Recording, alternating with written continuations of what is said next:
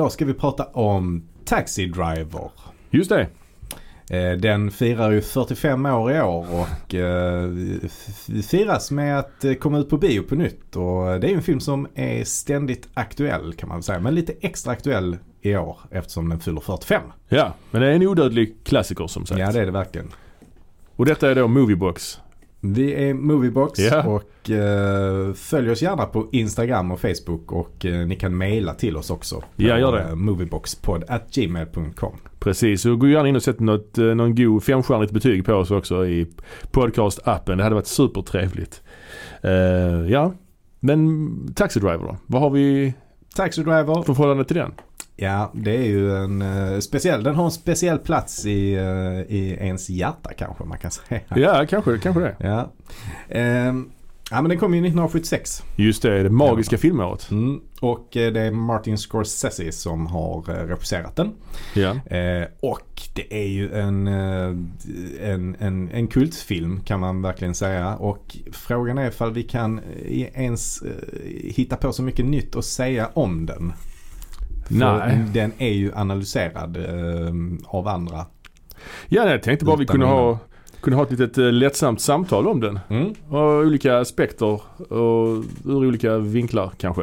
Mm. Vi kan ju börja bara nämna just att 1976 som jag sa var ju lite grann ett magiskt filmår. Mm. Alltså det var ju mitt i den här New Hollywood-eran. Det här, som vi har pratat om i tidigare avsnitt Mm. naturligtvis. Alltså avsnitt 25 och 26 tror jag vi sk- eh, gjorde om New Mm. Hollywood. Så det kan man lyssna på. Mycket trevlig lyssning. Eh, men det var ju då när regissörerna, de unga regissörerna fick mycket mer inflytande och makt över sina egna produktioner. Och då pumpades det ut en massa högkvalitativ film.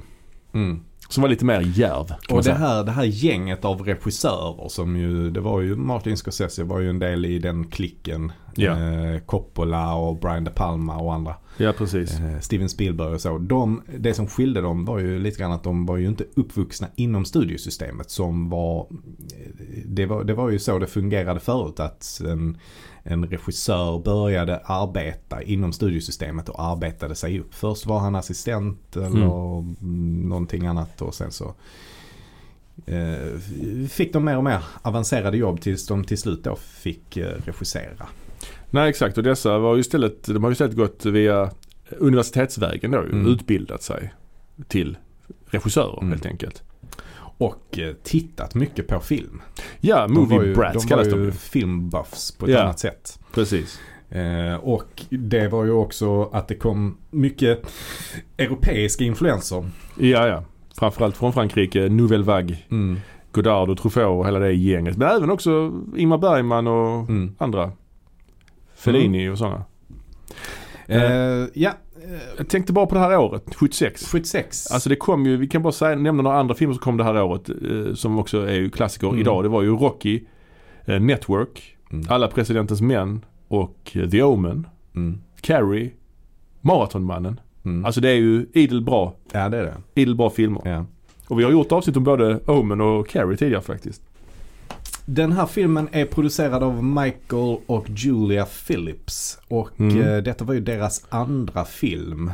eh, Som producenter, Som producenter. Ja. De, eh, 1973 så producerade de eh, The Sting. Blåsningen. Ja. Ja. Eh, och eh, det gick ju väldigt bra för dem. Ja. Eftersom den vann mycket priser och fick väl Oscar för bästa film tror jag. Ja, Oscar för bästa film och Michael och Julia Phillips de var ju även ett, ett par ju. Mm. Privat. Mm. Men Både på, framför och bakom kameran. Just det. Inte så mycket framför kanske i och för sig. Men eh, ja, både på jobb och hemma. ja. ja. Och Julia Phillips var ju faktiskt den första kvinnan som vann en Oscar för bästa film som producent. Jaha, okej. Så att hon är ju historisk där också. Mm. Eh, jag har ja, vad, vad som hände sen var ju att eh, de producerade ju också eh, Spielbergs Close Encounters of the Third Mm. Kind. Mm. Men där började ju Julia flippa ut lite ju. Hon Mhm. fick, hade problem med droger och så ju. Så hon fick ju Aha. faktiskt sparken. Okej. Eh, I postproduktionen tror jag. Mhm. Och eh, sen fick hon ju problem och eh, levde ett eh, lite stökigt liv. Ja, okej. Men eh, skrev... Skilde hon sig från Michael? Ja, de skilde sig och hon skrev Mm. sedan en fi- självbiografi. Ja. Eh, som hette You'll never eat lunch in this town again. Okej. Där hon hänger ut ganska många kändisar. Det är en sån här skildring av Hollywood på den här Mm. tiden. Mm. Eh, och den fick hon ju mycket skit för av Mm. alla som nämns i den. Mm. Mm. Det Eh, spännande. Ja. Det känner jag inte alls till. Nej, men hon, eh, hon, hon Det här, det här paret de fortsatte väl ändå producera på uh, in på 80-talet och så också tror jag. Eh, Nej, inte, inte hon. Inte hon, Nej, men han gjorde det Han gjorde det ja. Men, men han, alltså det, blev, det var inte så mycket bra efter detta väl? Nej, det det vet är Flamingo Kid vet jag. Mm, Den här mm. Matt Dillon-filmen. Just det. Ehm, men men eh, jag tror inte det var något så stort direkt de, de gjorde efter det. Det Nej, nej hon avled ju senare. Mm. Hon avled väl för 20 år sedan kanske. Ja. Tyvärr. Mm. Eh, Men den här filmen egentligen, alltså eh, börjar ju då med ett manus då som skrevs av Paul Schrader. Ja. Som i allra högsta grad var en del av den här New Hollywood-klicken. ja, och han var ju också en ganska eh, brokig person. Han var brokig. Ehm, och lite grann om hans bakgrund som är relevant är ju att han kommer från en så här väldigt strikt kristen bakgrund. Mm. Ehm, han, han kom från Pennsylvania någonstans och eh, där är det ju mycket så eh, holl, holländska och tyska Mm. ehm, Alltså har påbrå därifrån. Och Okej. ehm, ja men där, där finns rätt många sådana han var kalvinist men där finns även andra sådana Ja, ja. religiösa. Alltså det är ganska starkt sånt fäste där. Eh, vilket gjorde att han fick ju inte alls se någon film. Alltså de Nej. populärkultur och sånt var helt förbjudet. Liksom. Så Ja. under hela hans uppväxt så var han inte alls i kontakt med någonting sånt. Mm. Men sen så när han började plugga på universitet så eh, kunde han börja titta på film och han såg, såg jättemycket film. Ehm, Men, men han var i en, eh, på en ganska dålig plats i sitt liv när han skrev det här manuset. Liksom. Han, Mm. hade, han var ganska relativt nyskild och hade blivit eh, flyttat tillsammans med en annan tjej men hon hade kastat ut honom. Ja. Eh, Så att han var, han var väldigt ensam och, och han, han skrev det här manuset på, vad var det, tio dagar tror jag han skrev det första utkastet. Alltså väldigt snabbt. Ja, han mådde väl ganska dåligt. Det var Han lite terapi att skriva det Mm. för honom liksom. Det var det. Och han har beskrivit det som att det var, det skrev sig själv nästan. Alltså Ja, att det var ett vilddjur som bara hoppade ur honom. Ja, ja, ja. Ehm, ja. Sen så eh, la han ju såklart mer, ner mer tid på det. Men, eh, men det första utkastet skrev han väldigt snabbt i alla fall. Mm. Ehm, ja, men, men så han ville ju i alla fall, ehm, han hade då ett manus som han eh, gav till Brian De Palma Ja, faktiskt. en annan New Hollywood-profil. Mm. Eh, och De Palma tyckte inte att det var riktigt rätt för honom. Eh, men han, eh, han gav det både då till Michael Phillips som blev intresserad av det Mm. eh, och köpte det. Men, men han gav det även till Scorsese.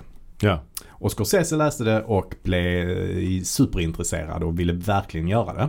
Men detta var rätt så tidigt 70-tal. Ja, det här va? var, det här var ja, 72 kanske. Ja, någonting sånt. Ja. Eh, för det var ju innan eh, Scorsese hade gjort Mean Streets. Så Precis. Scorsese hade gjort den här filmen Boxcar Bertha. Ja. Eh, som är den här Roger Corman-filmen. Precis, så det är ju inte direkt någon autörfilm utan det var ju ett jobb. Hans första, hans regidebut helt enkelt. Ja, han gjorde väl en Who's That Knocking On My Door också? som den hade han gjort tidigare. Eh, och sen så gjorde han denna då. Men den, den gick varken särskilt bra eller blev särskilt hyllad den här. Eh, det är ju någon slags exploitation-film. Ja, Den Boxcar Bertha. Ja. Med Deborah Winger. Är, är, är hon med i den? Jag tror det är hon som Ja. spelar Ja. titelrollen faktiskt. Ja. Ja. Ehm, så att han, han eh, var ju inte aktuell för den. Även om han eh, ville göra den och sådär så tyckte inte Michael Julia Phillips att, det var, eh, att han var rätt person för det. Ja, sen gick ju han vidare då i sin karriär och gjorde Mean Streets eh, som blev väldigt hyllad. Med, Ja. med De Niro och Harvey Keitel. ja, och den är ju väldigt så här franska nya vågen. Det känns nästan lite dokumentärt och väldigt så Ja. naturlig dialog och Mm. utspelar sig i New York också ju.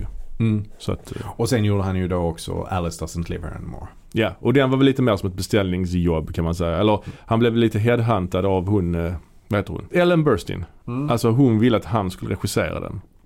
Eh, Så att den är ju lite mer, den är lite mer kommersiell den filmen liksom. Mm. Lite mer äktenskapsdrama ju så. Ja. Skilsmässodrama väl. Men i och med att han har gjort Mean Streets så hade han ju den att visa upp. För att visa att han var kapabel att regissera Mm. någonting som Taxi Driver då. Och när Michael Phillips och Julia Phillips såg den här så ville de ju inte ha någon annan än Scorsese. Nej. Och de ville även ha De Niro. Ja. Ehm, för de tyckte att det var, var ett jättebra team. Och De Niro hade ju också, han hade ju vunnit en Oscar för uh, Gudfadern 2. Ja, det gjorde han väl 70, 74. 74. ja. Så då, då var han ju superhet. Ja.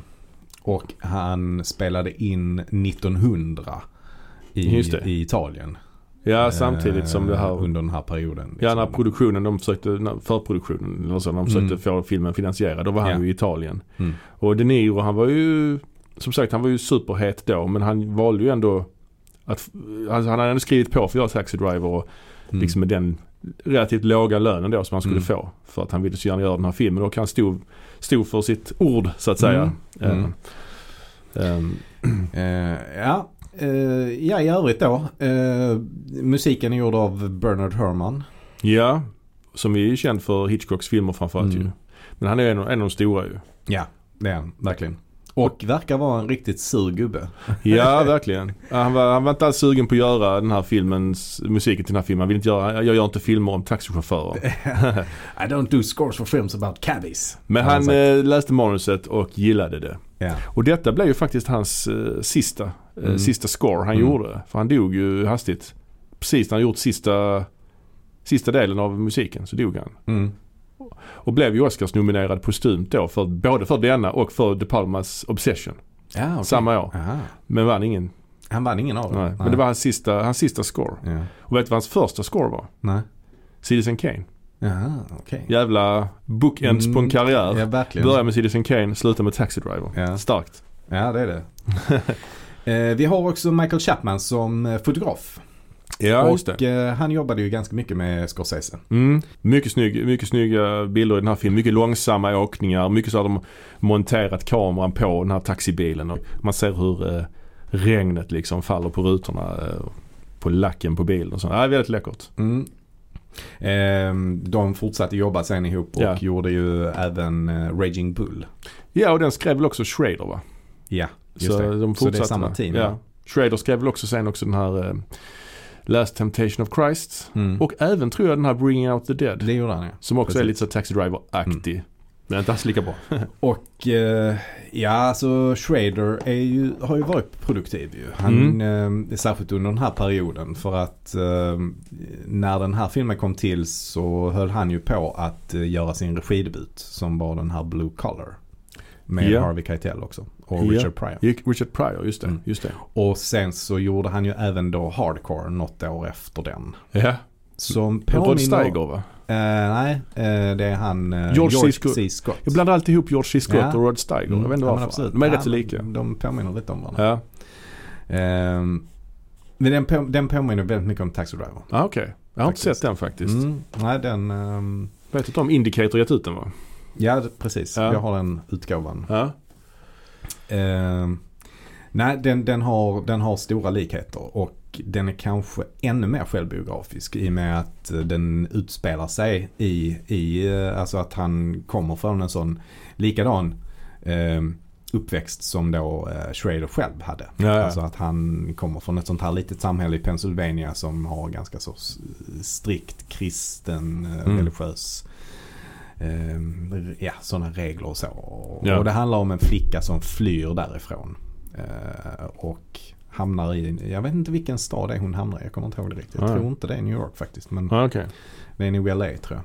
Eh, och så handlar det om att han ska leta upp henne och, och, och ta henne där. För att, så att hon är någon slags, en annan variant på Jodie Fosters eh, eh, roll i Taxi Driver. då. Ja, okej, okej. Ja. Ja, precis. Ja. Mm. ehm, Men det här, det här är ju också en lågbudgetfilm får man säga. Två miljoner dollar hade den. Eh, två miljoner dollar i eh, budget. Taxi Driver. Taxi Driver. Ja. Eh, dock så blev det ju en succé ganska Ja. direkt och spelade in 28 miljoner dollar. Oj, och den vann ju också Guldpalmen i Cannes. Ja. Det är ju det är ju jättes status, eh, Mm. statusgrej verkligen. Men det var inte utan att det var lite eh, kontrovers.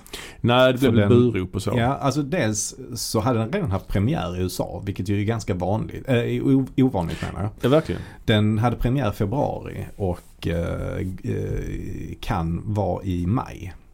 Så att den hade redan blivit en succé i USA när den eh, togs ut till tävlan. i- Ja, det känns ju nästan- Det är känns- ovanligt. Ja det känns nästan som att det inte borde få lov att... Ja, gå nej, till så, så, i- så händer det inte nu för tiden, Nej. tror jag inte. Och sen när han vann så var det väl också att hälften buade, hälften Mm. applåderade. Och han var inte där heller ens Ah, själv och tog emot. Eh, Tennessee Williams satt ju i uh, juryn. Just det, det är sjukt. Ja. Och han eh, ville verkligen inte att den skulle vinna. För han Mm. tyckte den var alldeles för våldsam. Och eh, han tyckte det var pornografiskt våld i den. Liksom. Hmm.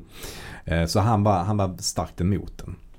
Eh, men Sergio Leone satt också i juryn och Ja. eh, man får väl tänka sig att det kanske var han som eh, pushade för den. Ja precis, ja det kan man tänka sig. Den har ju vissa Leone-likheter Mm. alltså, Mm. i slutet framförallt Mm. tänker jag. Ja, och skådisarna då som är med det är Robert De Niro som vi har sagt eh, och Harvey Keitel har vi också nämnt. Sen i övrigt så Jodie Foster sa Mm. vi också. Och eh, i övrigt så har vi då Sybil Shepherd som är med. Vi har Peter Boyle, Albert Brooks. Ja. Det är väl de stora namnen som är de stora rollerna. Jo det är det ju. Och filmen handlar, om vi ska ta vad den handlar om kortfattat så är det ju, handlar det om en eh, taxichaufför såklart. Som då spelas av Robert De Niro. Som heter, han heter Travis Bickle. Mm. Och han, han börjar jobba som taxichaufför i början av filmen. Han har ju, han ju på så här intervju, anställningsintervju. Mm. Och vem är det som intervjuar honom? Jo, det är ju... Oh, vad heter han? Ge mig ett förnamn. Eller ge mig första bokstav. J. Joe Spinell. Joe Spinell ja. Och där, för att prata om, du sa kult innan, han är ju något av en kultskådis ju. ja. Han är ju en, I samma år så var han ju med i Rocky. Ja exakt. Han är med i många storfilmer. Han Ja. har små roller i storfilmer. Han har bara spelat huvudroller i ett fåtal tillfällen. Men Ja. på 70-talet gjorde han ju, han är med i Rocky, spelar den här mafiosen som Rocky jobbar för. Mm. Gazzo eller vad han heter. Mm. Men han är också med i både Gudfadern 1 och 2. Mm. Och Mm. spelar eh, en hitman som heter Willie Chichi tror jag. Ja, okej. Ja. Sen har han ju gjort andra mindre roller också. Och han spelar då huvudrollen i William Lustigs Maniac. Maniac, ja. Som vi kanske kommer att återkomma till någon gång. Det Hans- borde vi göra Det är en film som handlar om en seriemördare. Mm. Där man liksom verkligen får höra om Höra seriemördarens ta- tankar och så vidare. Mm. Mycket bra film. Mm. Eh, Men i alla fall Bickle, han är ju ex-marin, eller marinsoldat ju då. Och han får Mm. jobbet på grund av det. Han har varit i Vietnam och han är ju lite Mm. traumatiserad från de händelserna Mm. naturligtvis. Så det, det framgår ju allt eftersom filmen Mm. fortlöper. Där, där kan man väl faktiskt säga att eh, vi får dock aldrig riktigt reda på. Han utger sig för att vara en marinkårssoldat. Och han har, Ja. han har den, han har, han antar den rollen. Han har ju sån här militärjacka på Mm. sig i stort sett hela Mm. filmen. Mm. Men där är en sån fråga, en sak man kan analysera lite grann liksom. Och det är, det är frågan, är han en, har han verkligen varit det? Ja, du menar han kanske hittar på alltihopa? Ja, Ja. Det, det är inte omöjligt ju. Nej, han hittar ju på andra grejer lite längre fram i filmen. Mm. Men så kan det vara. Men jag vet inte, en annan möjlig tolkning är ju att han är det och är Mm. riktigt störd. Riktigt socialt missanpassad efter hemkomsten från Vietnam. Mm. Eh, men han, De Niro, han spelar ju väldigt, han underspelar här ju. Mm. Han är ju väldigt eh, tillbakadragen. Väldigt lågmäld. Eh, men ändå eh, finns det ju liksom, man känner ju det här, den här psykiska ohälsan som ruvar där under ytan liksom. Mm. Och vreden bubblar till lite då och då. Och han är ju med verkligen i nästan alla scener i filmen. Mm. Jag tror alla scener utom två är ju Travis Bickle då i fokus Mm. i den här filmen. Så att han gör ju, han bär ju upp den här filmen verkligen. Mm. Eh, men han, han får i alla fall jobb då som taxichaufför. Ja, Eh, och eh, ja, det, det, på den tiden var det ju ett sånt jobb som inte ställde sådär jättemycket krav. Man, man skulle kunna mm, prata hyfsad engelska antar jag. Mm. Liksom, om man skulle ha körkort. ja. Eh, det var väl bra om man inte hade ett jättestort straffregister kanske. Men, ja. Men, eh, men det var inte så svårt att få de jobben. Nej, och han får ju jobbet lite grann på grund av sin bakgrund som marinsoldat. För han, Mm. Spinells karaktär är ju också marinsoldat. Så han gillar ju honom i med det liksom. Ja. Och han kan tänka sig att köra överallt i stan. Ja, dygnet runt. till Dygnet och med liksom och till de i- svåra kvarteren liksom. Ja, i Harlem och så. Ja. De Niro för övrigt, han antog väl någon slags annan dialekt. Han, eh, när han spelade in 1900 i Italien så skulle han ju förbereda sig för Taxi Driver. Då åkte han ju Mm. upp till, till någon militärbas i Italien för att härma folk som kom från the Midwest tror jag. Ja, just det. Mm. Och han jobbar väl också som taxichaufför på riktigt. Mm. Under Han- en kort period. Han körde några veckor, körde han taxi. Ja, Mm. ja precis. Eh, mm, nej, men så att han, han börjar då köra eh, helt enkelt. Och eh, vi får se honom när han kör runt i New York. Och Ja. hur han hur, han, hur hans synpunkt liksom, hur han upplever staden. Han kör ju mycket low lives. Mm. Mycket, ja. Ja precis, mycket människor, mycket folk som plockar upp prostituerade och man hör ju hans tankar. Det är ju en voiceover där han berättar om hur staden borde rensas upp och sånt. Det är ju väldigt så här film noirigt också. Alltså med den här voiceovern, regniga gator och då Bernard Herrmann musiken är ju lite Mm. så. Den är väldigt mörk den här Bernard Herrmann musiken. Ja, ja men ibland den, så, den består av två, två olika Ja. saker kan man väl säga. Ja. En, en som är lite, lite ljusare, lite jazzig. ja. Och, och det är det jag menar är lite noirig.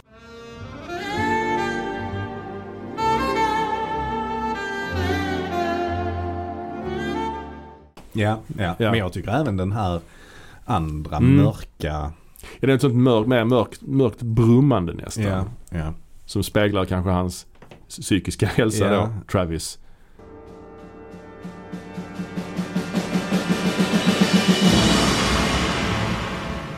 Det är något väldigt skrämmande över musiken tycker jag. Ja. Men han börjar bli, helt enkelt bli mer och mer trött på skiten. Ja, Och sen får man se honom när han hänger med sina taxichaufförspolare. Och Mm. de, de är ju lite, han säger ju inte så mycket, de andra babblar. Och det är Peter Boyle då som spelar hans polare Wizard. Ja, Wizard heter han. Ja. Och ehm, ja, men han, han, är ju, han är ju lite utanför där. Han, Ja. han sitter med dem och sådär men han är ändå inte en del i gemenskapen riktigt.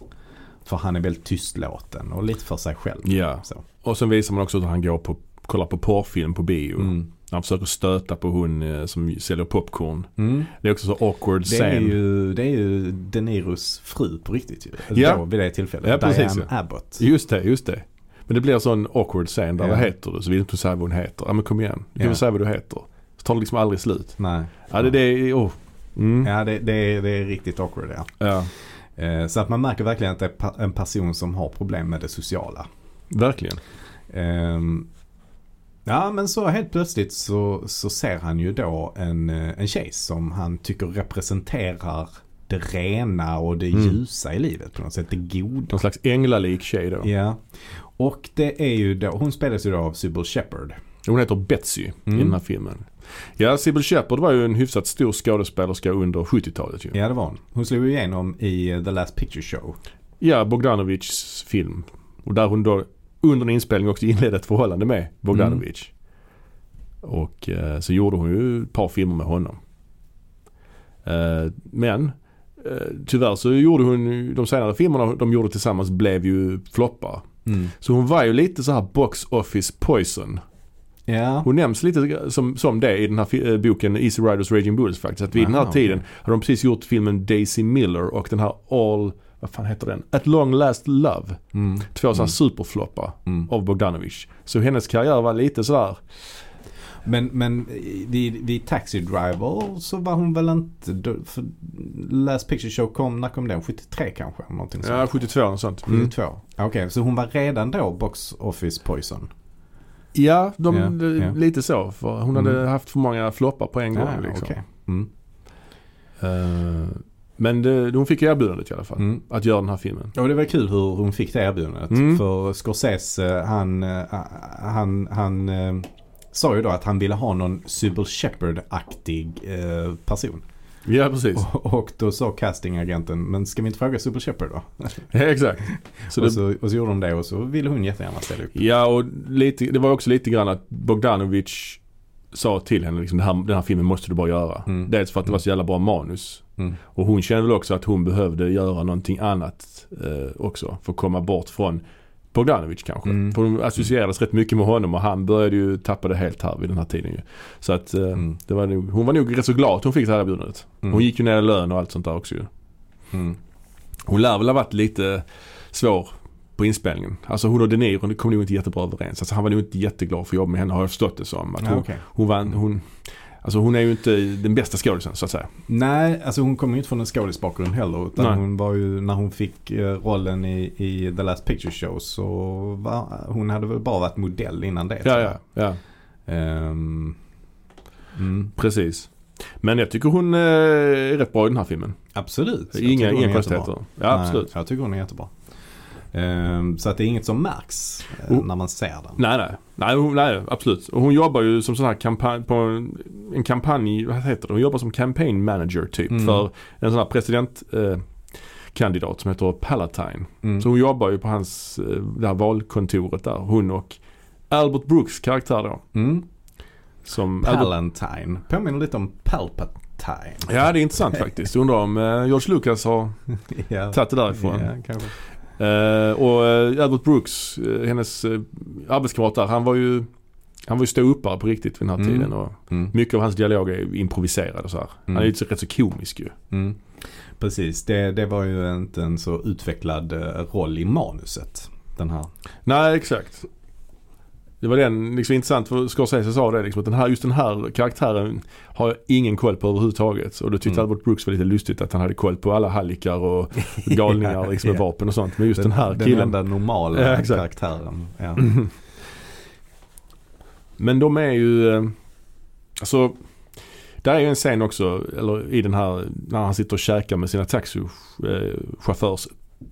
Mm. Så är det en sekvens där han lägger sådana brustabletter i, i vatten. Ja. Och så är det en långsam inzoomning på Mm. brustabletter och hur de, hur de upplöses. Tror lite inspirerad av Godard faktiskt. Men, Mm. men i alla fall det är ju också lite grann som, man kan säga det lite grann som en metafor för hans liksom, hur hans eh, mentala tillstånd börjar eh, förvärras. Mm. Att det liksom bubblar inuti honom sådär. Mm. Ja, verkligen. Jo, men det där är ju, det, det har Scorsese sagt att det har Ja. han ju snutt från eh, Godard. Ja, Där det istället då är en kaffekopp som Just eh, det. det sakta kameran åker in mot. ja just det, just det. Ehm, ja, men så han lyckas få med henne ut på en dejt i alla fall. Först åker Ja. de och dricker lite kaffe. Ja, Eh, och så pratar de lite om musik, om en Chris Christopherson eh, skiva som hon tycker är jättebra. det är lite roligt för Chris Christopherson är ju med i uh, Alice Doesn't Live Here Anymore. Mm. Så det Mm. blir väldigt så här meta på något Ja, sätt. ja precis. Ehm, han har ju för övrigt nu pensionerat sig, Chris Christopherson. Han måste vara 85. Ja, där någonstans. ja. Nej, men det var nu förra veckan så eh, Ja. med- meddelade han via sin agent att eh, Ja. Nu är han pensionär. Ja, och det- kommer inte att eh, spela in fler skivor eller göra fler uppträdanden. Ja. Så det får man väl unna honom. ja, det får man unna honom. Det har han gjort sig förtjänt av. Mm. Men ja, de går på Eh, dejt ja. Och, Mm, och den går väl ganska bra den här dejten. Eh, hon tipsar om den här eh, Chris Christopherson-skivan då. Så Travis Bickles, Bickle ger sig ut för att köpa den här Chris Christopherson-skivan. ja. Eh, han har ju dock ingen eh, vinylspelare så han kan ju inte spela den själv. Men han Nej. köper den till henne. Mm. Vilket också är lite märkligt för hon har den ju redan. Så, att- Mm. så Ja. ja. Men man får väl ändå tycka att han vill väl. ja. Han har eh, gott uppsåt här. Ja, precis. Sen har han ju, är det ju en sekvens också där han plockar upp den här Palatine. Mm. Att han dyker upp i hans taxi ju. Mm. Och då får han ju prata med honom. I Mm. en scen som också är lite, han är lite awkward helt enkelt. Hela tiden. Mm. Men han berättar ju för Pal- Palatine att han tycker man borde rensa upp på gatorna. Flush it down the fucking toilet säger han ju. Så att han får en liten connection där till Palatine också. Och han börjar liksom klä, ta, ha en sån här pin med Vote Palatine på sin, på sin jacka och så. Ehm, ja. Han har ju dock ingen som helst aning om vad eh, Palantine liksom har för politik. Nej, nej, nej, nej. Nej. Han förbereder sig då för nästa dejt. Ja, Och eh, då tänker han ju att han ska ta med Sybil Shepherd på bio. just det. Och då går de in på bio men det visar sig ju att det är en eh, porrfilm som de ska säga. Eller någon slags sexualundervisningsfilm. Ja, det är ju en eller svensk någonting. film. Ja. Det är den här Ur kärlekens språk. Eh, som de visar. Så det är ju Mm. svensk dialog här. Så det är kul Ja. som svensk. Det är lite grann Ja. som när man ser en Volvo i en film. Här hade Mm. sett en svensk porrfilm. Där är faktiskt en Volvo med i filmen också. Ja, du ser. Ja. Så han var nu lite inspirerad av sig. Men, men vad jag har hört så är det faktiskt inte en svensk film utan de har bara lagt på svenskt ljudspår på det. Okej.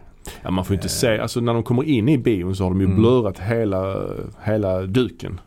Så Ja. man, man får inte Ja. se liksom. Sen är det några närbilder inklipp snabbt liksom. Men det är ju för att klara ratingen ju. Jag hade ju problem med det, kommer vi kanske till längre fram. Mm. Men ja, ja, det är ju super cringe. Ja, ja, ja det är det. När de... Eh, och det, det är ändå förvånansvärt att uh, Sybil Shepard, ändå följ, eller Betsy då, följer med honom in och ändå faktiskt sätter sig och, och liksom tittar på den här filmen en liten stund med honom. ja, precis. Innan hon eh, blir arg och går därifrån. Ja. Alltså så att hon, hon ger det ändå en, en rätt bra chans. Och ja, jag tycker faktiskt att det är, det är rätt så intressant liksom varför hon väljer att göra det. Men jag tror Mm. att hon blir väl väldigt så här eh, smickrad på Mm. något sätt. Och samtidigt så tycker hon att han är på något sätt- liksom en total motpol till hennes vanliga liv kanske. Kanske det. Ja. Ja men precis och, och eh, hon har ju kanske ett lite tråkigt liv i, och det här är något spännande. Mm. Till en början i alla fall. Mm. Sen blir det ju bara konstigt. Och han, hon säger, hon bara går. Han fattar, liksom, han, han fattar ju verkligen inte heller varför hon går. Nej, och han det, förstår inte alls vad han har gjort för fel. det förstärker ju också hans Mm. karaktär att han är helt out of touch lite grann med, Ja. med verkligheten så. Ehm, så där kan man ju säga att de skiljs åt ju. På, Ja. på, Ja det gör de. Och, men han, han lägger ju inte ner det här utan han, han fortsätter ju då att uppvakta henne. Så att han, han eh, köper blommor som han eh, skickar till henne. just det. Och han ringer henne en massa gånger men hon svarar inte. Nej. Dock får vi ju se en bild i lägenheten där alla blommorna är kvar. Så han har ju köpt blommorna men han har ju inte skickat iväg dem. Nej. Så att här blir man ju lite förvånad. Han säger det i voiceovern att han köper Ja. blommor och skickar dem. Men Ja. samtidigt så ser vi att de är kvar i lägenheten allihopa. Liksom. Ja. Sen eldar han upp dem. Sen eldar han upp dem lite längre fram. Ja. Ehm, Ja det är... men, men sen så beger han sig ju då dit en tredje gång till den här um, det. hög, högkvarteret för den här kampanjen då. Ja. Ehm, och då blir han ju då utkastad av Albert Brooks eh, Ja. karaktär. Och då visar han också, tror jag, för första gången eh, tecken på våldsamhet. Ja. För han, och jag vet inte om du kommer ihåg den sen, men, men Albert Brooks kast, Mm. liksom puttar ut honom och eh, då, då gör han en sån här, ställer sig en sån karate-stance. Han intar en karateställning där. Ja. Det, det, det kände jag igen. Ja. Mm, ja. Och den, den ställningen känns ju, vad ska man säga om den? ja. Jag har alltid... Den tycker- känns ju inte, alltså, Nej. den känns inte äkta på något Ja, det sätt. sticker ut lite i filmen. Ja, Ja, för det den är det. väldigt överdriven och Mm. det känns som att det är en person som inte är en våldsam person egentligen utan han vill bara på något, han spelar en roll. Ja, liksom. så kan det vara. Så kan det vara. Absolut. För den Eh. känns inte, den känns inte äkta alltså. Ja, exakt. Och han... eh, Ja, där är han ju egentligen... Där är ju hennes, deras eh, förhållande om man säger, deras eh, Mm. relation slut på något sätt ju. Eller så. Ja. ja, men den tar ju slut där. ja. Absolut. Och han eh, väljer istället att ta en annan väg. Mm. Eh, han har ju, där är någon sekvens också där han plockar upp en annan passagerare Mm. som då spelas av Scorsese själv ju.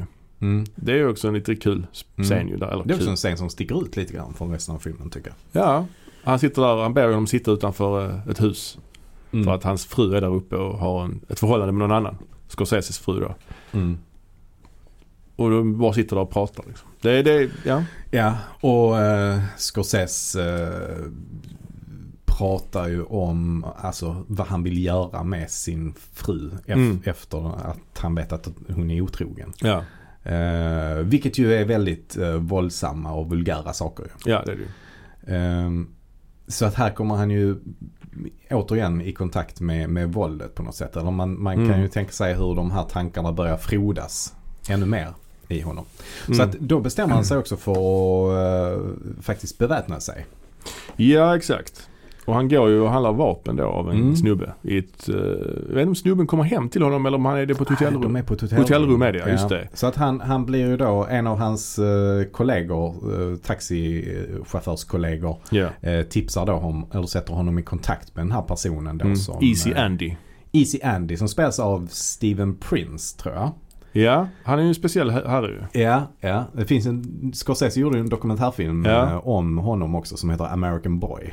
Ja, där berättar han ju om sitt liv. Han var ju missbrukare, han var heroinist. Ja, ja. Ehm, En raconteur beskriver uh, Scorsese honom som. ja.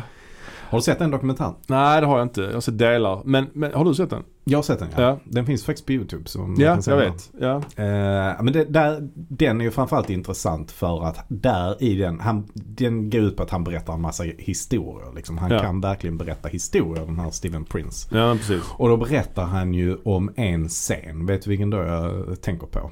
Ja, jag tänker på sprutan med adrenalin va? Ja, precis. Ja. Som sen eh, Quentin Tarantino eh, tog hela den scenen och eh, la in i Pulp Fiction. Så Ja. det är alltså den scenen där, där då John Travolta eh, sticker en, eh, en spruta med adrenalin i, i bröstet på eh, eh, nu ska vi säga, Nia Wallace. Ja, Uma Thurmans karaktär. Mm. Och apropå Pulp Fiction och Tarantino så är den här vapenhandlarscenen är ju väldigt lik också eh, när han, Travolta handlar knark av eh, Eric Stoltz. Alltså de, de Mm. scenerna påminner ganska mycket om varandra också. Mm, Där han pekar ut de här olika kokain och heroinsorterna. just det. Och likadant här att han, han snackar om Ja. vapnen. Så det är Ja. väl, de är ju snarlika där också. Ja. ju. Tarantino Ja. älskar ju Taxi Driver. Det är väl en av Mm. hans absoluta favoritfilmer. Ehm, så det är intressant ju. Mm. Att det är på två, två sätt som han har tagit grejer Mm. från Taxi Driver kan man säga. Mm. Ja och sen ytterligare kanske är lite lite, eh, jag vet inte men, men eh, lite längre fram i filmen så hoppar ju Jodie Foster in i eh, taxin. Just det. Det är första gången eh, Travis Bickle då träffar på Jodie Fosters karaktär. Mm. Och då kommer ju hennes eh, Hallik, eh, spelad av Harvey Keitel och drar ut henne. Ja, Och då säger han ju bitch be cool när han drar ut henne. ja, ja. ja. Vilket ju Mm. också finns med i Pulp Fiction. Ja, det gör det. Den repliken. Absolut. Eh, som jag, eh, jag vet inte. Det kanske är ett vanligt uttryck men jag har inte hört det på så många andra ställen. Nej, det är sant. På, liksom. Nej, det är att, sant. eh, ja, ytterligare en kop- koppling. Eh, för övrigt så Harvey Keitel, han spelar ju den här halliken som heter Mm. Sport. Sport, just Och det. han blev ju också, han blev faktiskt erbjuden rollen, Albert Brooks roll först ju. Mm. Men han valde Mm. hellre halliken. Fast det var egentligen var en mindre roll för att det var mer intressant. Mm. Och han valde ju Mm. också att hänga lite med hallikar inför, Ja, inför ja. inspelningen. ja han, han, är lite, han är lite förtegen om, om vad som, Ja. eh, hur mycket han hängde med Halliken och så. Men han, Han känns mörk, Harvey Keitel. Tycker det. Han är rätt mörk alltså. Är han det? Varför då? Jag vet inte. Jag får sån känsla av honom. Att han är mörk? Ja men lite så. Ja, jag vet Han, har, han, han känns lite så. Han känns svår. Han känns svår. Alltså, ja. Men apropå Jodie Foster då. Han är eh, också med i Taxi Driver kan man ju nämna. Vem? Harvey Keitel. Nej, jag menar i Nej. Pulp Fiction. Ja. Eller vadå? Ja, jag var så jävla förvirrad. Ja, det var Taxi Driver ja. Jo, det vet jag. Ehm, men apropå Jodie Foster då. eh, Hon spelar ju då den här unga Iris då. Mm. Som är prostituerad. Och det ju, var ju väldigt kontroversiellt att... eh, Iris Steensma. Ja, Det är ganska fult efternamn. Ja, om, ja. om man ska gradera efternamn så hamnar det långt ner. de flesta ord som slutar på ma Ja, är rätt fula. Men, men i alla fall. Det var lite kontroversiellt att kasta henne. Hon var ju bara 12 år alltså. Ja, just det. 12 år. Mm. Så hon fick ju, alltså, att spela då prostituerad det är ju, det är ju, ja. De fick ha en stand-in Ja. i vissa scener då. Till exempel hon knäppte upp hans livrem och så. Jaha. Och då valde de, vet du vad de valde då? Nej. Då valde de Jodie Fosters stora syster Ja. Som var åtta år äldre men ungefär lika lång. Jaha. Som heter Okej. Connie Foster. Jaså? Så hon var någon slags eh, ja, stand-in eller så. Ja. Men För- fan, Förkläde. apropå Jodie Foster. Mm. Alltså Jodie Foster, tar man henne för givet lite grann? Alltså man tänker liksom inte riktigt på. Men hon är ju, hon är fan ett geni ju. ja men tänk efter ändå vad hon har gjort liksom. Dels den här rollen hon gör här, hon blev Oscarsnominerad ju. Ja. 12 bast liksom. Sen bara har hon gjort den här, hon fick ju, hon fick två Oscars ju. The, The Ja. Accused ja. och Silence of the Lambs. Ja. Och sen, eh, ja men fan hon är ju så jävla bra. Ja, men hon blandar väl och ger lite. Ja, hon har gjort en del filmer som kanske inte är så jävla bra men hon är ju alltid jävligt stabil alltså. Mm, det är hon absolut. Panic ja. Room är ju också en pärla. Mm. David Finchers film. Kon- kontakt. Kontakt, ja. Mm. Ja, det är fan. Eh, Men, men så har hon ju regisserat lite nu på sistone. ja, bland annat något hon Black jobbar- Mirror avsnitt faktiskt. Är så? Ja. Ja. Men jag vet också att hon gärna jobbar med Mel Gibson.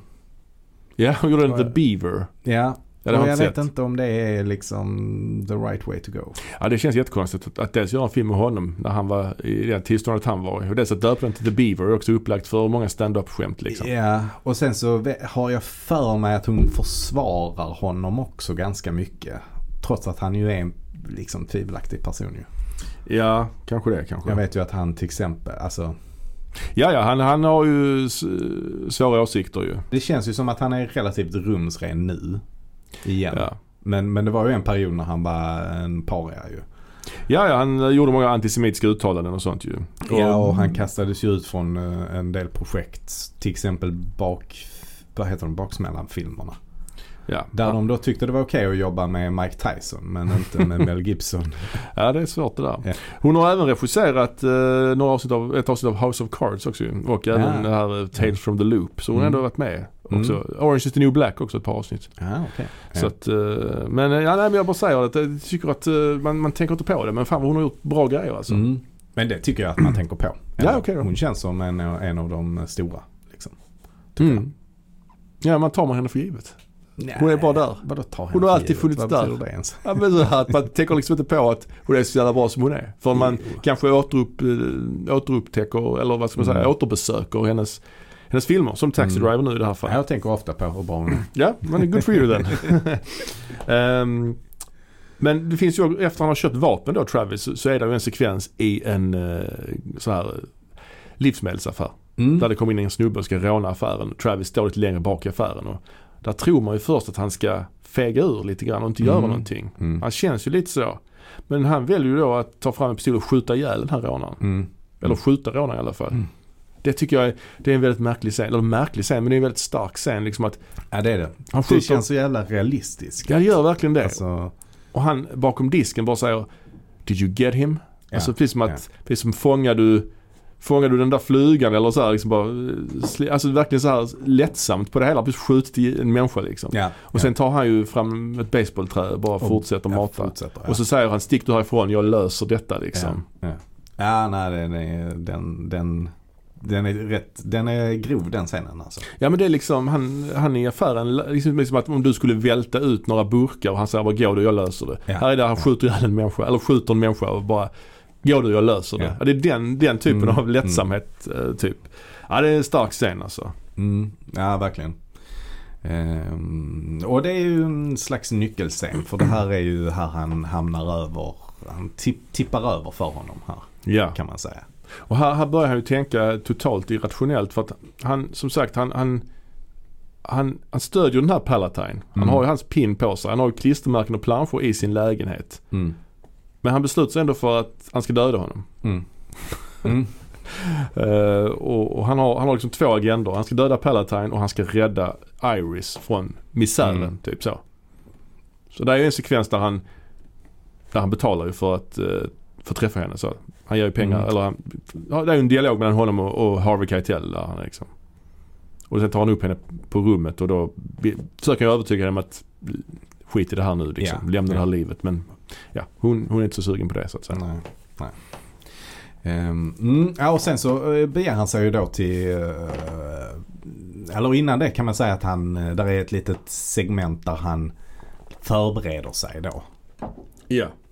Och då, då får vi se, det har vi fått se lite i olika tillfällen, hur han tränar och sådär liksom. Ja, han står ju bland annat med, med handen ovanför gasspisen. Ja, Every ja. muscle must be tight. Ja, Står han här och bränner sig själv. Ja. Obehagligt. Ehm, och så rakar han sig också. Ja. Alltså rakar av håret så att han får en sån mohikan. Och innan det så har han ju dessutom byggt den här lilla finurliga Mm. eh, pistolen som kan flyga fram från, eh, ur Mm. armen. Han gör någon slags ja, Mm. anordning där. Sån har man sett i andra filmer. Jag kan bara inte riktigt Mm. komma på vilken film. Nej. Om det är någon Die Hard-film eller om det är någon sån. Där någon har en sån pistol. Eller det är den här. Desperado. Han har såna pistoler också kanske. Mm. Det har förekommit flera gånger. Desperado har han ju en som sitter i skrevet ju. Ja just det, Tom Savini där. Sen har vi ju liksom eh, samma år, 76 kom ju Maratonmannen. Där har ju huvudantagonisten en kniv istället han fäller ut. Just det. Mm. Lawrence Olivier. Mm. Så att, eh, Men vi får se i alla fall hur Tra- Travis Bickle då tränar lite grann. Mm. Och han kommer på lite sådana smarta lösningar. Eh, han Fiffigt. han, han eh, tejpar fast en dolk också vid, eh, på, på stöveln ju. Just det. Och så tränar han lite på att slänga sig ner och ta upp dolken. Och Ja. Man ser att det är, det är rätt taffligt liksom. Han är inte jätteduktig. Ja, han, eh, han är självlärd Ja, det, det kan man säga. Ja. Ja. Och sen så har vi ju då den berömda scenen där han Mm. då övar på ett, eh, hur han ska hantera vad ska man säga, ett Ja, möte. En konfrontation en ja. konfrontation. Och det var ju, den scenen är ju den här Are you talking to me? Well I'm Mm. the only one here. Det är ju, det är ju den, man, den scenen man brukar se från den här filmen. Ja. Liksom. Det är ju det Ja. som alla alla det, minns. det är ju den klassiska scenen och den har ju blivit omtolkad och Mm. imiterad och parodisierad. eh, Jag tycker det är lite flera konstigt. gånger. Lite konstigt att just den scenen sticker ut. Alltså att den har Mm. blivit så... Alltså det finns fler andra, alltså det finns ju andra scener i den här filmen som är mer minnesvärda. Ja. Det kan man ju lugnt Ja. säga ju. Verkligen. Men, Men den eh, var ju improviserad också av Ja. De Niro. Ja precis. Ja. Och eh, också hört att han, eh, han fick det från att han hade varit på en Bruce Springsteen-konsert. Eh, bara någon dag tidigare. Och då hade Bruce Springsteen eh, sagt så till publiken. Liksom. Mm. Are you talking to me? Ja, well okej. I'm the only one here. Ja. Alltså så. så hade han tagit det därifrån. Ja, ja. Eh, vet inte alls om det stämmer eller inte. Men det är någon sån skröna i alla fall.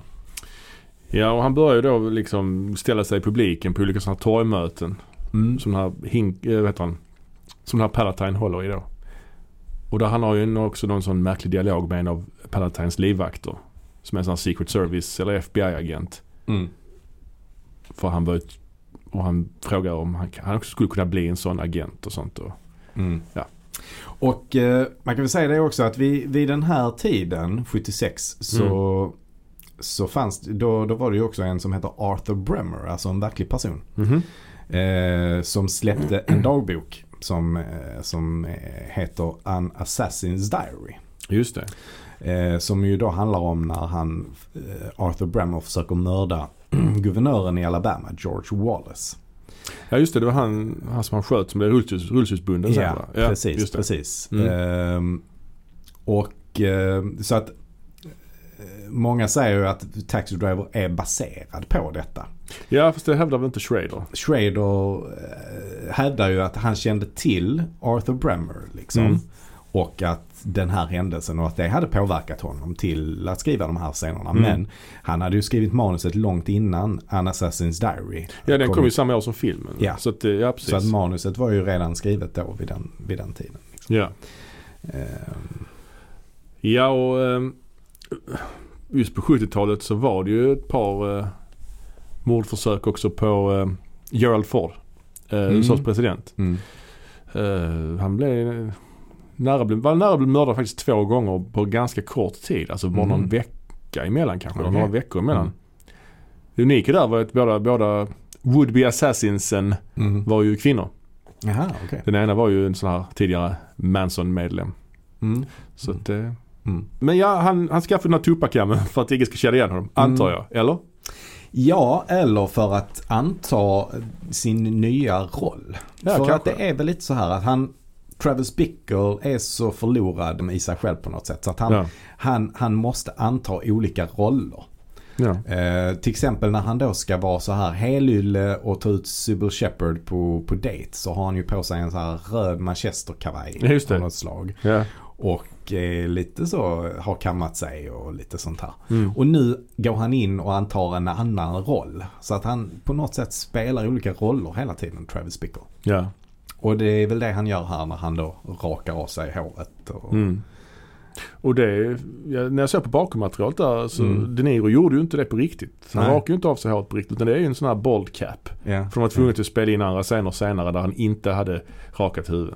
Men det Mm. ser ändå jävligt bra ut Mm. får man säga. Ja, det gör det verkligen. Jag har alltid trott att han gjorde det på riktigt. Ja, jag har alltid också gjort det. Trott det. Han gick också ner 16 kilo för att göra den här rollen. Mhm. Han Ja. är ju verkligen uh, trådsmal i Ja, det är denna. Ja, han kanske var lite mer, han var lite mer frodig i 1900 till exempel. Ja, ja. Ja.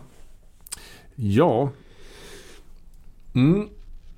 Och sen så, ja, han, han, eh, han står ju där och eh, tittar på Palantine ju. Men, eh, men Secret Service hit, eller ser honom och börjar jaga honom. Så han, det blir ju aldrig någonting där ju. Nej, det blir aldrig något, eh, något lönnmord. Nej, nej. Ehm, och sen så eh, har han ju kvar sitt andra uppdrag och det är ju då att åka ut där i, eh, i slummen och rensa upp lite. Ja, och precis. rädda Iris. Det är också en liten kort sekvens där han skriver ett brev till sina föräldrar. Mm. Där han berättar ju att han jobbar för regeringen. Just det. Så han kan inte berätta liksom var han bor. Nej. Men han berättar att han har en ny tjej som heter Betsy. Mm. Så de hade älskat föräldrarna. Mm. Så det visar ju också på hur Mm. tosig han är. Mm. Och det är väl här också han bränner alla blommorna också. Ja. Och hans, som sagt, hans nästa uppdrag är ju då att rensa upp i slummen. Mm. Och framförallt då att rädda den här tjejen Iris från misären. Ja. Och här är ju, här, då går man in i filmens klimax som är ju väldigt våldsamt. Ja. För det är ju det här, som sagt, vad hette han? Tennessee Williams Mm. hävdar att det var pornografiskt våld i den här filmen. Mm. Jag, jag, Mm. fattar, ju- jag, jag förstår inte vad man menar med det. Nej. Det är ju klart de är på en porrbiograf. Ja. Där är liksom porr är med, liksom med i filmen på något sätt. Och där är våld i filmen. Ja men han menar, väl- menar väl att det är något slags frosseri i det och att det inte är konst på något sätt. Ja, jag förstår. Men det är det ju. Det är lite grann samma som Tarantino alltid blir Ja. eh, anklagad för. Att han glorifierar våldet ja, jag, på något ja. sätt. Ja, jag kan inte som, hålla med. Som alltså. våld. Ja, jag kan inte hålla med. Alltså- Framförallt inte i det här fallet. Här är det ju så brutalt och det är så... Ja. Han går ju in i, i det här hotellet där. Han bör- börjar med att han skjuter ju Halliken i magen och sen så ska han ta sig in i det här hotellet där. Han går Ja. fram till Harvey Keitel, Ja. Halliken. Och så, och så bara säger han 'suck on this' och så bara skjuter han honom Ja. i magen. Och Harvey Keitel segnar ihop. Och det är också den 'suck on this'. Den, den repliken känns ju också som att det är någonting han säger för att Mm. liksom vara cool. Det är är, inte- inövat. Ja, det är inövat. Exakt. Och han tar upp historien lite så klantigt också. Han får Ja. inte riktigt upp den direkt. Det kan, det kan vara ett misstag av De Niro men jag tror snarare att det är ändå Travis. Ja det tror jag som, också. som gör det misstaget. Han är, han är ju inte särskilt bra på det här. Ja, han är det kommer ju inte naturligt Nej, för precis. honom det här. Och han tar sig, ja, precis. Och han tar sig in sen i hotellet och där kommer ju då, eh, det är kanske den mest våldsamma sekvensen i Mm. filmen. Ja det är ju den mest, mest våldsamma sekvensen. Han skjuter ju av handen på han snubben i, i lobbyn där. Eller Ja, det är en ja. trång jävla korridor. Mm. Och det, handen bara sprängs och det är blod. Mm. Och det, Mm. och det är så långsamt också det här, den här våldsscenen. Det är så segt liksom. Ja det de- går så sakta. Ja, han, han, han, kommer, han skjuter honom och han blir, Mm. Ja det är ju trauma såklart. Ja. Men han ska ändå efter honom och hämnas ju. Han skriker you son of a bitch, I'll kill you, Ja. I'll kill you. Men innan det kommer ju Keitel också. ja han skjuter ju Och skjuter honom. honom i halsen. Ja, Och det tycker jag är så jävla, det ser så jävla äckligt ut när han blir skjuten i halsen. Alltså. ja verkligen. I sidan på halsen. Ja. Och han skjuter han, sen skjuter han ju ihjäl Keitel. Ja. Och sen blir den här långsamma, han ska upp för trappan till det här rummet där Jodie Foster är. Och den här hotell, eh, vad är han? Hotellägaren kanske. ja. Han Följer bara är i hasorna där och Ja. håller fast sig i honom på något sätt. Och, Ja. och sen så börjar de brottas lite och så slutar de med att han sätter sin kniv i handen på Ja men innan dess kommer ju först han här sexköparen ut och Just skjuter det. honom i armen. Ja. På nära Ja. håll. Ja. Och och då faller han ihop. Men sen fäller han ut den andra pistolen han har i ärmen. Och Ja. skjuter honom kanske sju gånger i huvudet liksom. Ja just det. Ja. det är så, Ja, det är så- superbrutalt. Det, det, det är en jävla kaosscen och ett riktigt blodbad. Ja, de rumlar omkring i blodet Ja, liksom. In ja. i rummet där hon är. Och som sagt han sticker in kniven i handen sen skjuter Mm. honom i huvudet också. Mm. Och den här scenen var ju verkligen ett skäl för eh, censuren att ge den en X-rating. Men ja. och Scorsese var ju helt till sig här ju. Ja. Han var ju beredd på att skjuta ihjäl folk på bolaget. Nej men Jaså? han satt ju, han var ju lite sådär, eh, han var inte, han var inte glad. Nej. Men han valde, de fick ju dra ner färgtonen på Mm. blodet för att det Mm. skulle gå igenom censuren. Och det tror jag fan var fördel alltså. Mm. För att eh, som vi, vi har pratat om tidigare i den här podden så 70-talsfilmblod är inte snyggt alltså. Det är Nej. ofta väldigt, Mm. alldeles för rött. Mm. Så jag tror fan det är Men riktigt så bra. har jag också, så mindes jag det. Att det var i den här filmen. Att det var väldigt så, 70-tal. ja 70-talsrött blod. Okej. Men eh, det var det inte nu när jag såg det. Så att eh, jag vet inte om det är något jag har inbillat mig eller bara. Nej, alla fall Chapman, fotografen var ju väldigt Mm. så här han grämde sig ju för att negativet inte höll längre. Så de, Mm. kunde, de kunde inte återskapa den här röda nyansen de hade från Mm. början. Men jag tror fan det bara är bra alltså. Ja, ja, det ser mer realistiskt ut. Ja, det gör det. Sen är det väldigt Mm. snygg åkning också uppifrån ju. Mm. De filmar hela det här Mm. blodbadet uppifrån. Man ser alla ligger. De har tagit av taket ju. De spelade in i en sån Mm. fallfärdig kåk ju. Tog Ja. ut taket för att kunna göra den här åkningen liksom. Mm. Ja, de fick såga sönder taket. Ehm, och sen så slutar ju den här sekvensen med att han försöker skjuta sig själv. Ja. Men där, han har ju slut på patroner. Så att, eh, det lyckas han inte med. Och sen kommer polisen och då Mm. sätter han ju fingret på tinningen och liksom leker att han skjuter sig själv i huvudet. Ja. Ja det är, det är starkt alltså. Mm. ja, det är, det är riktigt bra och snyggt. Ja. Ehm, Ja, sen är det ju liksom en epilog av filmen som är, som också, man kan analysera lite hur man vill. Man kan Mm. tolka den hur man vill. Det är ju massa, man får se en massa tidningsutklipp på hur han då hyllas Mm. som en hjälte. Mm. Och där han får, där är ett brev som läses upp också från Iris föräldrar. Hon, de tackar honom för att Mm. de räddade hennes dotter, från, deras dotter från, från skiten liksom. Mm. Så att Mm. han blir liksom en hjälte. Mm. Det är ju, Och sen så plockar han ju även upp eh, Betsy. ja det är ju en väldigt märklig scen. Det är ju en sekvens på det här kaféet med hans polare, hans Ja. taxipolare. Och de säger du, du har en ny kund. Och så Ja. går han in i taxin så sitter hon där redan. Ja. ja. Och sen åker de iväg. Mm. Och sen slutar filmen. Mm. Och där kan man ju undra då, är detta en fantasi? Mm. Är det på riktigt liksom? Eller är det så att han är död till och med? Mm. Precis. Att han dog där i, för att han blev ändå skjuten i halsen och i armen. Blöder ganska ymnigt. Mm. Att Mm. allt det här med hjältehyllningarna, att det är liksom bara en påhittad Mm. i hans huvud. Ja och Eller- när han sen i det här efterspelet så är, ser man ju inga men av det. Att han ska ha blivit skjuten eller något sånt. Nej, han är helt o- oskadd där när han sitter Ja. på kaféet där Ja, efteråt. Liksom. Och håret är precis som Ja. vanligt. Liksom. Så, att, så att frågan är om, om hela det här är, en, är någon slags eh, drömsekvens. Att, Mm. han, att han begår alla de här eh, sakerna där ute. Alltså det här att han rakar av sig håret och sånt. Ja, allt det kanske är en Allt drömsekvens. det kan vara en drömsekvens. Eller det som är efteråt, en Eller drömsekvens. bara det som är efteråt ja. Eller att det är en efter döden upplevelse. Att Mm. hon är den här änglalika figuren, eh, bla bla bla liksom. Mm. Ja. Ja, nej, men det är ju en otroligt fascinerande film alltså. Verkligen. Alltså det är ju, jag skulle säga att det är en av de bästa filmer jag har sett. Ja, Alltså jag, jag slänger ur mig den. mm. nej, men jag har den ju definitivt på min topp 10-lista tycker jag. Ja det får man ju säga. Mm. Den är stark alltså. Den, Mm. är, den har ju det här fotot, musiken i, och det här, alltså det här tidsdokumentet, det här 70-taliga, Mm. man, hur man skildrar New York. Den här, det här, den här tidens New York också, när New York, när New York var jävligt, jävligt farligt, dekadent Mm. men ändå jävligt snyggt. Det är, det är någonting med, med som jag tycker, alltså dj- djupet i karaktären. Alltså man kommer Mm. verkligen in i karaktären. Alltså Ja. att man under en väldigt kort tid får se hur en karaktär liksom går från att bara vara ensam och utanför. Vilket Mm. bara det tycker jag är en stark skildring. Men Ja. hur han liksom går mer och mer in i sig själv och tar små steg mot, eh, mot galenskapen. Liksom, och Ja. till slut tippar över och utför de här våldshandlingarna. Ja det är ju tvära vändningar i, i, Mm. i, i honom. Man vet liksom inte vart det här är på väg. Alltså Nej. om man inte har sett den innan naturligtvis. Men Sen känns det ju väldigt, det känns väldigt äkta på något sätt. Alltså Ja. man kan verkligen, jag säger inte att jag kan känna igen mig i det, men, men jag kan ju lätt koppla det till till, till exempel som han här Mangs till exempel. Peter Mangs Peter. Mangs. Ja han som sköt folk här i Malmö för Mm. tio år sedan. Han var ju galen.